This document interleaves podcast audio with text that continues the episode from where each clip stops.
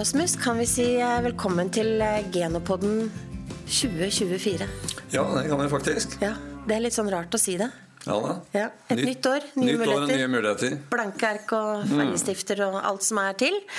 Eh, og vi har fått med oss eh, Nå skal jeg først, nå greier jeg ikke å si noen ting ut ifra at vi er i et nytt år, men det er fortsatt Rasmus Langeré jeg har med meg. Ja da, det er fortsatt det. Ja, Og jeg er fortsatt Oda Smeby Christensen. Sånn var det. Og så har vi med oss eh, to veldig spennende gjester inn i studio. Som jeg gleder meg til å presentere. Der har vi med oss Ola Hedstein eh, og Anne Ekornormen. Velkommen. Takk. Tusen takk. Ola, du er eh, partner og gründer i eh, Rethink Food. Stemmer det. Ja. Har en lang erfaring innenfor eh, norsk landbruk og mat. Ja, det er jo liksom det som har blitt livet. Ja. Jobba både i Stiftelsen Norsk Mat, i Landbruksdepartementet og også Norsk Landbrukssamvirke. Ja. Ja. Og 17 lange år i Nortura hvor jeg følte jeg lærte noe om hele verdikjeden. Ikke sant?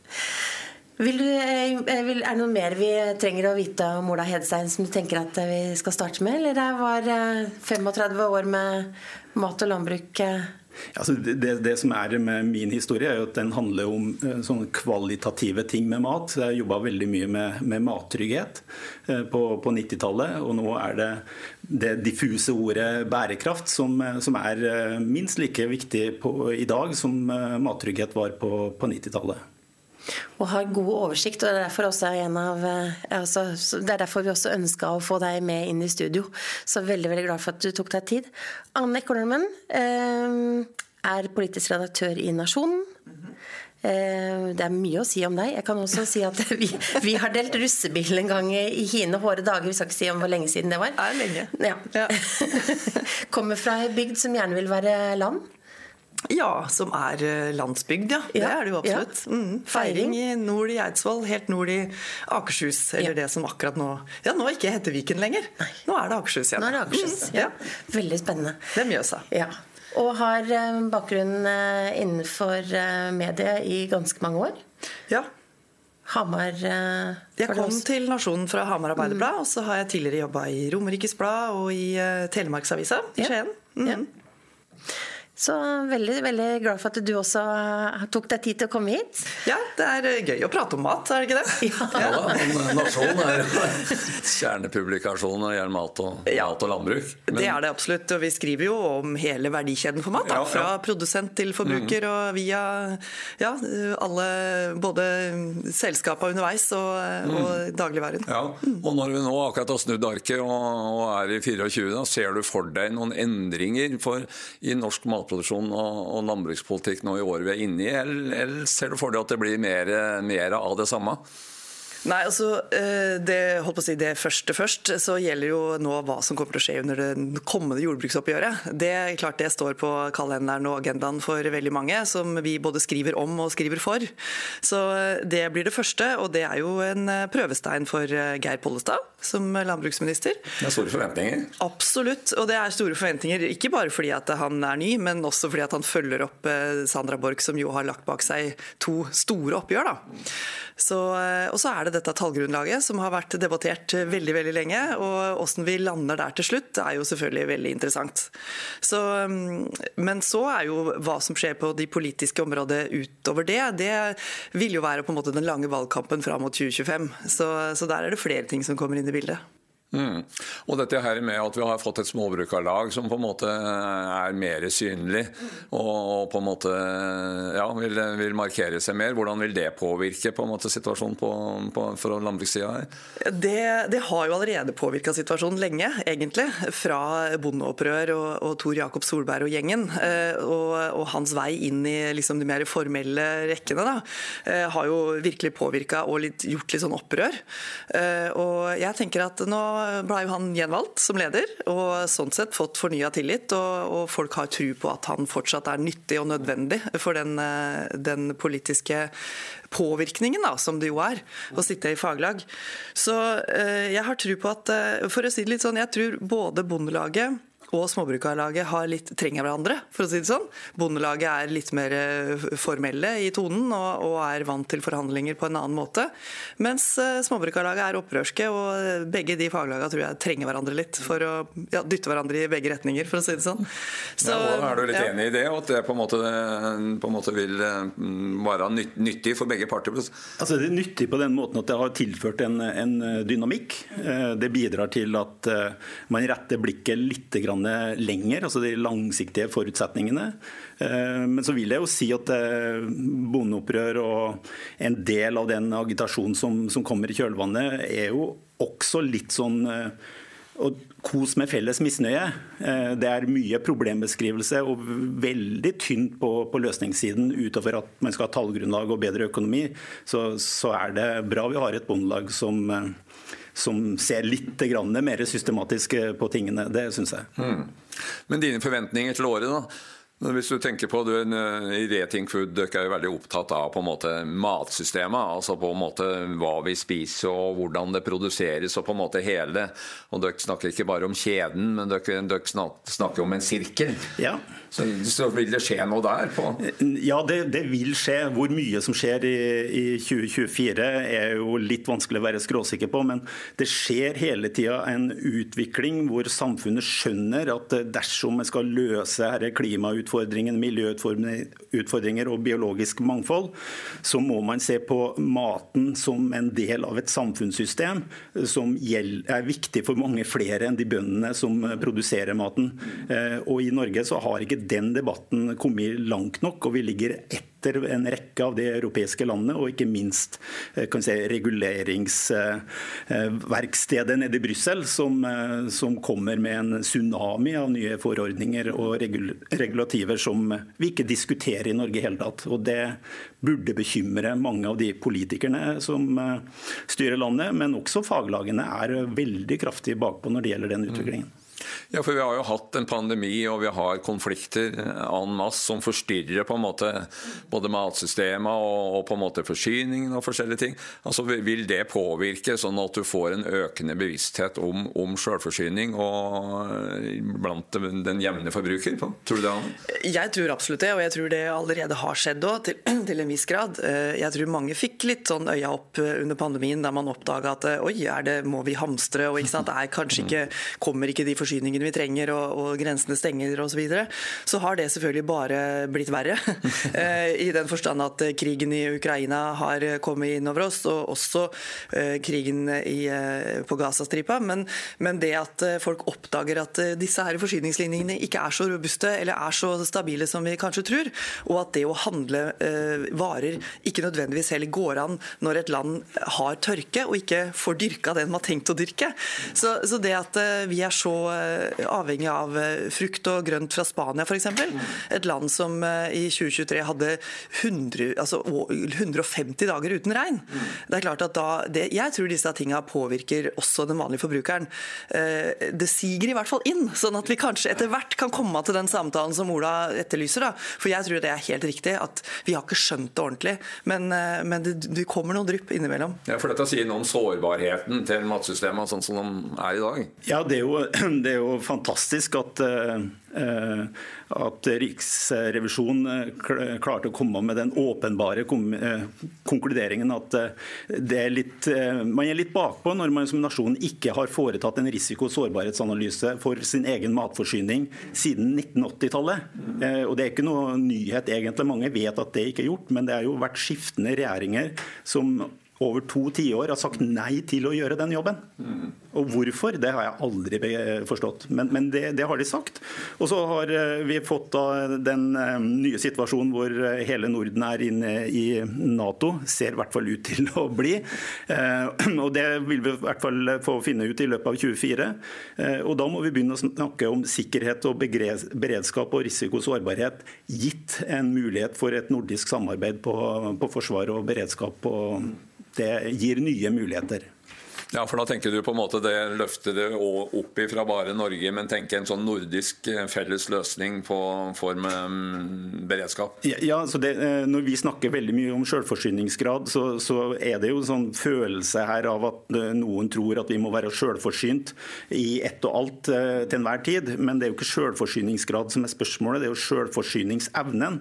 I i, det, I det daglige og de fleste situasjoner så vil Norge være helt avhengig av å ha handle med mat med andre land, fordi vi vil ha et, et kosthold og et levesett som gjør at vi trenger innsatsfaktorer og eh, matprodukter fra, fra andre land. Så den, den miksen er, er, er, viktig. Og da kunne vi jo eh, med fordel ha begynt å gjort risiko-sårbarhetsanalyser for Finland, Sverige og Norge sammen, og så tenkt beredskap rundt det. Og det, det, Den debatten tror jeg kommer. Mm. Og Anne, dette med selvforsyning, da, der har vi jo på en måte sånn, her konflikten. Da. På den ene sida skal vi ha nå klimamål, og det kommer stadig signaler om at uh, matproduksjonen skal ned. altså Vi skal produsere mindre storfekjøtt. Og samtidig skal, sier politikere at vi fortsatt skal øke matproduksjon. Og Det er jo vanskelig å se hvordan dette her kan forenes. Absolutt, og det er jo noen av de både politiske og, og andre dilemmaene i samfunnet, for å si det enkelt. Altså hvis vi skal ha, eh, Den enkle måten er jo å øke produksjonen av storfekjøtt f.eks. Dyr på beite, og bra for både klima og biomangfold og mange ting. Men det er altså ikke bra når vi skal kutte ned på kjøttspisinga vår. Så, så det er utfordringer her, og det er utfordringer som påvirker eh, jordbrukspolitikken i det hele. ikke sant? Men det, det vi ser, er jo at klima er i ferd med nå å virkelig etablere seg som et politisk område i alle andre områder.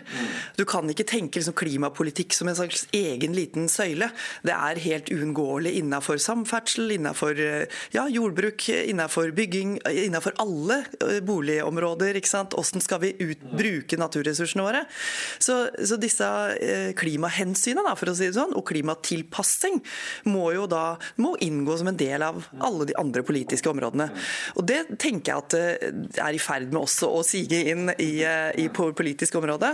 Der vi ser at eh, regjeringas grønn bok i statsbudsjettet sant, blir et viktigere dokument. Da, som, som, kommer til å måtte få konsekvenser også for hva vi spiser, og ikke minst hva vi produserer.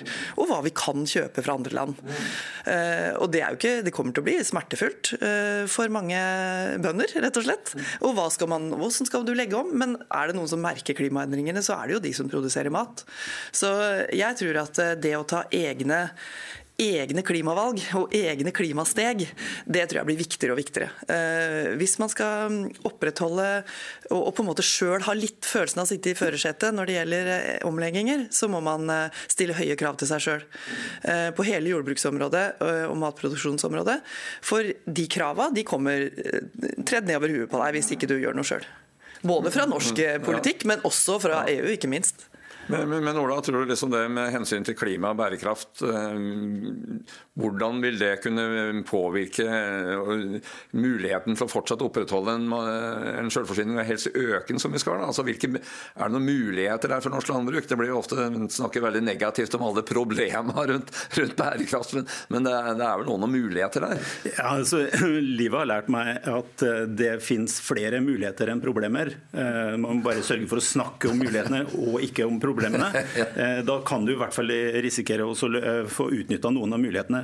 Eh, og når, når vi så vidt globalt, men særlig i Europa, får satt søkelysene på de kvalitative sidene av matproduksjon, så er det som skapt for, for Norge som sådan. Fordi vi har en høy kvalitet på den matproduksjonen vi har. Selv om mye kan bli bedre, så er det bra.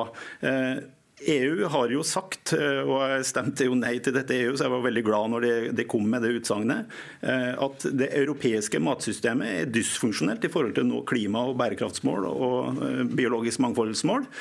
Så det må vi snu opp ned på. Og Da begynner de å jobbe for å redusere antibiotikaforbruk, få brukt mindre plantevernmidler og mange andre ting.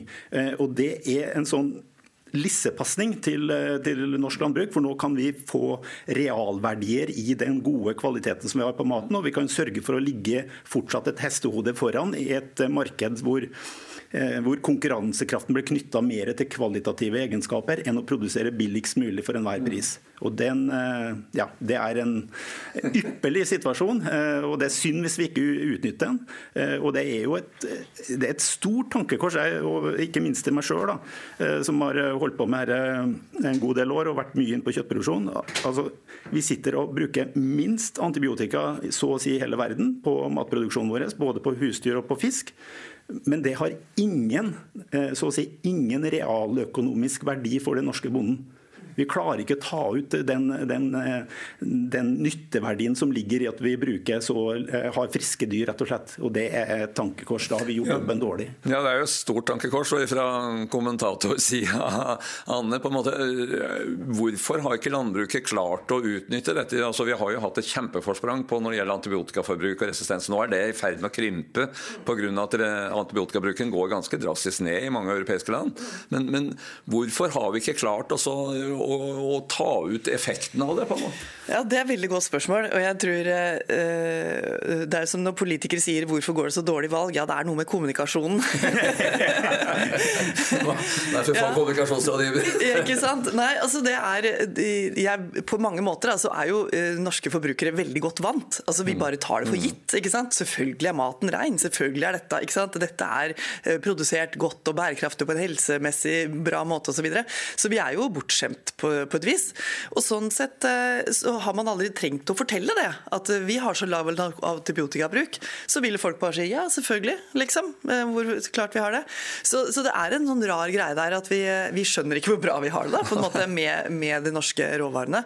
Så, mm, det, men det trengs jo Jeg tror dette er en av de viktige tinga eh, på mange av de Nå skal jeg ikke si problemene, da, men mange av de utfordringene i norsk jordbruk er jo nettopp kommunikasjon.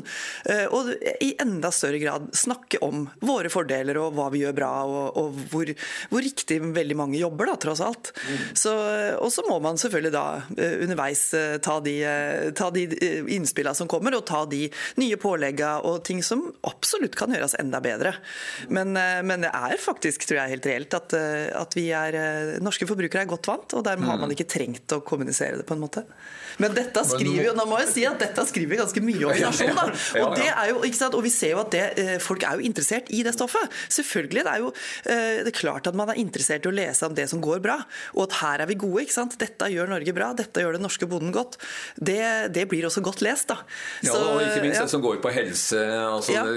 Knytningen mat-helse er, er, jo kjempesterk. Og viktigere og viktigere for veldig ja, mange. Ja. Og så, så er, det, er, det, noe som nå ligger i tidsånden som ikke har vært en mulighet uh, før, eh, men som har kommet inn eh, i særlig stor grad med det European Green Deal, altså den økonomiske vekststrategien til EU, som, som er en mulighet for, for Norge.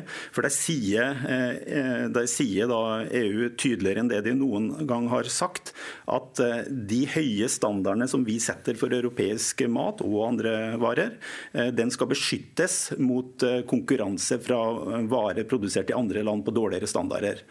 Og Der ligger det også nøkkelen, som Norge, en sånn liten aktør, ikke klarer å liksom endre endre på handelsavtaler eh, europeisk og globalt alene, så, så ligger det en mulighet for da, de norske politikerne å bare kjøre renere på at vi skal sette en høy standard for hvordan vi produserer maten. Standarden skal være konkretisert, eh, og eh, den skal medføre at du får en beskyttelse mot dårlig mat fra andre steder, som da utkonkurrerer deg på pris. Ja, for Det er jo litt av dynamikken når det er en relativt fri handel. at Da blir det jo på en måte den billigste måten å produsere på som på en måte er den som får Det har vært mantraet nå eh, siden, altså Den liberaliseringen som har vært siden på slutten av 80-tallet, har jo handla om at de komparative fordelene har handla om hvor du kan produsere maten billigst. Fordi det kom fra en tid hvor det var nødvendig å produsere mer mat så billig som mulig for å hele tatt få til nok. Eh, mens nå har det blitt sånn at eh, det faktisk ikke helt, helt uten betydning hvordan maten produseres. Så må man sørge for at den vi også produserer den riktig, og fortsatt produserer nok eh, for framtiden. Mm. Og Det er en helt ny parameter inn i den ligninga innenfor internasjonal handelspolitikk, eh, som da EU nå har testa ut med sin CBAM, eller klimatoll, som du godt kan innføre på andre kriterier enn akkurat den som gjelder for stål og kull. Ja, jeg tenker på at Det er jo et paradoks på en måte at uh, i mange mange år da, så har uh, norske kjøttbonden da, for eksempel, hatt det som et fortrinn at kjøttet er så bra og så rent og uten antibiotika. Uh, og så har på en måte argumentet vært at du skal kjøpe norsk for å støtte den norske bonden.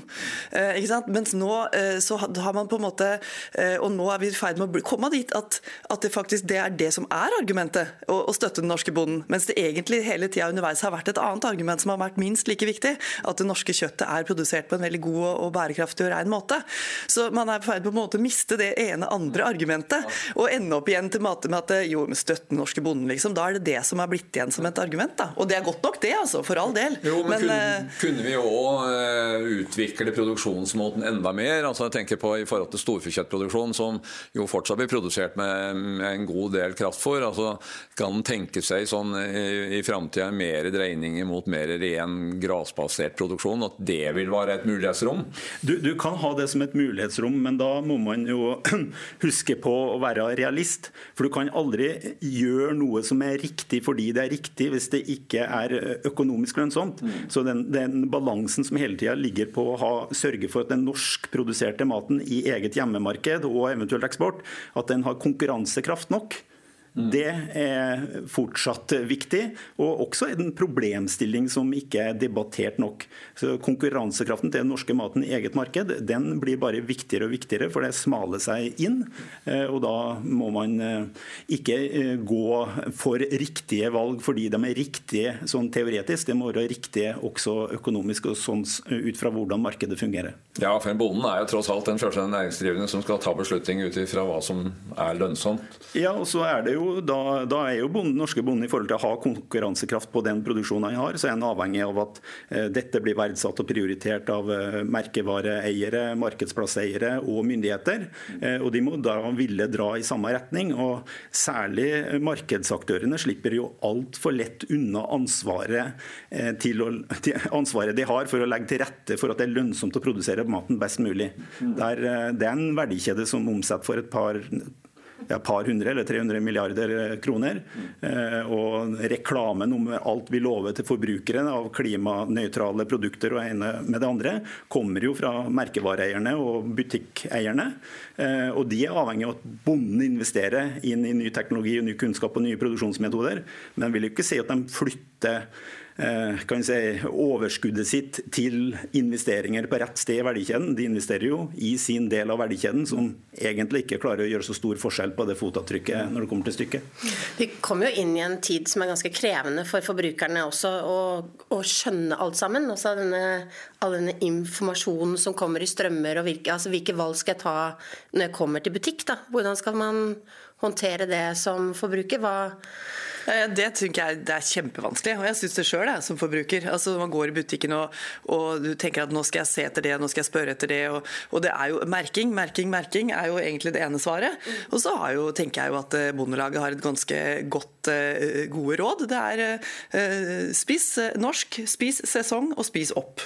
Mm. Det er, tenker Hvis man har det som, som liksom mantraen man går i butikken, så, så du, kommer du langt. Mm. Både på bærekraft og på norske arbeidsplasser arbeidsplasser, rett og slett. Og på, og på miljø og klima og matsvinn og sånn. Så det er egentlig tre veldig gode råd, syns jeg. Ja, veldig, veldig men, men, vi må så vidt innom et annet mulighetsrom. Da, når vi har produkter av veldig høy kvalitet. På, hvorfor lykkes vi ikke med å skape noe eksportvirksomhet av dette? For nå vi ser det er et hjemmemarked som, som på en måte er, det, i hvert fall ikke øker og krymper på en del eh, produkter. Men, men vi, altså, Ola, har du tru på at det er muligheter her til å lykkes på? og Det òg må jo være økonomisk lønnsomt? Det finnes vel såpass mange millionærer i verden at prisen på den norske maten er ikke problemet dersom du klarer å selge den til de rette eh, markedene. Eh, og jeg mener at eh, det, det er helt nødvendig at vi får en forutsetning for å øke den norske matproduksjonen. Og den muligheten ligger i at vi systematisk jobber for å etablere eksport av norsk matproduksjon. Det kommer ikke til å være eksport til Lidl i Tyskland, det kommer til å være eksport til betalingsdyktige markeder i, Europa eller andre steder i verden, som verdsetter den kvaliteten som vi er i stand til å, å produsere. Eh, det er på det korte, eh, I kort horisont så må man tenke på den måten. På lengre horisont så er det sånn at eh, verden inn mot 2050 og det lavutslippssamfunnet vi skal, den skal øke tilgangen på mat med 60% Og når du har 50 grader rundt Middelhavet, når grunnvannet forsvinner enkelte steder, eller det blir nitrogenforurensa eller et eller annet, så er det behov for animalske proteiner produsert der hvor du har forutsetninger til det. Og det er i områder av kloden, og Norge er en av de, hvor du har rikelig tilgang med gress, som ikke kan brukes til andre ting, og vann. Vann og gress det er godt utgangspunkt for å produsere proteiner, og det bør Norge gjøre mer av, spesielt innenfor eh, småfe. Ja, så der er det, der er det muligheter. Ja. Men eh, det er andre muligheter. Eh, vi er jo nå i innledningen på en kommer til å bli en lang valgkamp. Og det sitter mange nå og legger hånd på partiprogrammene. Og jeg tenkte sånn avslutningsvis at dere skal komme med et godt råd til landbruksorganisasjonene hvordan de skal påvirke innholdet i partipolitikken i riktig retning. Først du, Anne. Ja, altså Landbruksministeren eh, altså Pollestad sa jo at eh, han, etter at han fikk den statsrådsposten, så har han blitt overraska over hvor lite opptatt opposisjonspartiene er av jordbruk og landbruk. Eh, så hvis det er et sted man skal på en måte gå inn og, og dytte på, så må det da være i dagens opposisjon. Nå, så jeg er helt sikker på at det driver jo faglaga med i stor grad, og prater med politikere. Men det er klart at det, å prøve å forklare, forklare forklare hverdagen, forklare utfordringene, forklare hvilke økonomiske ting man jobber med, hvilke utviklingsspor man prøver å følge, eh, teknologi ikke minst, eh, som Norge er veldig gode på, men hva disse tingene betyr for, eh, ja, for norsk sjølforsyningsevne, og ikke minst òg, som nasjonen er opptatt av, for bosettinga i Norge. Da. For dette handler jo også om det. Hva slags bruk av landet er det vi har? ikke sant? Bruker vi naturressursene der de ligger? Har vi folk som bor da ute i landet? Landet, og genererer de arbeidsplassene og de eh, mulighetene som, eh, som det knytter til seg. Så eh, mitt råd må jo være bare å gå hardt på politikere og rett og slett prøve å forklare hverdagen. Mm. Ja. Ola? Ja, det er jeg enig i det sånn sett. Og jeg tror også en skal merke seg at den det jeg vil si en sånn gryende interesse for opposisjonspartiene til å grave seg litt mer ned i matpolitikken enn det de har gjort på en god stund. Skyld, det skyldes at eh, andre samfunnsgrupper enn eh, landbruket og faglagene viser større og større interesse for, for matproduksjon, om det er kosthold eller om det er dyrevelferd eller andre ting. Og Da blir det et, et rom for å skape politikk, for det har en attraktivitet til flere. så Jeg er litt usikker på hvor sterk den er. Men jeg syns jo det er åpenbart i dag at det er en ny interesse for å diskutere matpolitikk i Stortinget eh, ved siden av jordbruksoppgjøret. Eh, og Det er både en mulighet og en fare for faglagene i det. Men nettopp fordi de vil automatisk se på det som en fare, så er det helt, helt avgjørende at landbruksorganisasjonene blir en samfunnsdebatt med de andre interessentene for hvordan maten produseres, i større grad og en mer profesjonell grad enn det vi har hatt det siste tiåret. Hmm. Ja, Veldig, veldig, veldig gode råd. Vi har jo eh, politikere og andre eh, interessegrupper som har eh, mye å følge opp her. Det er utrolig hvor lite plass mat og matproduksjon egentlig tar i, i samfunnet vårt. Tusen, tusen takk for at dere tok dere tid. Vi gleder oss til 2024 med alle utfordringer og muligheter det gir. Eh, vi hører denne podden selvfølgelig på alle steder som du hører podkast ellers. Hvis ikke så finner du lenken på geno.no. Eh, jeg vil også anbefale at man følger litt med på Rethink Food og på Nasjonen, eller hva sier dere? Absolutt. Veldig godt råd til slutt. Siden jeg også kunne få lov til å snike inn et lite råd der, Rasmus. Ja, ja, ja, ja et ærlig draus, det er nyttår, og ja, ja, ja. ja, Takk for det. Jeg syns det var et godt råd. Så da sier vi tusen takk for denne podden. Og så gleder vi oss til året fremover. Det gjør vi.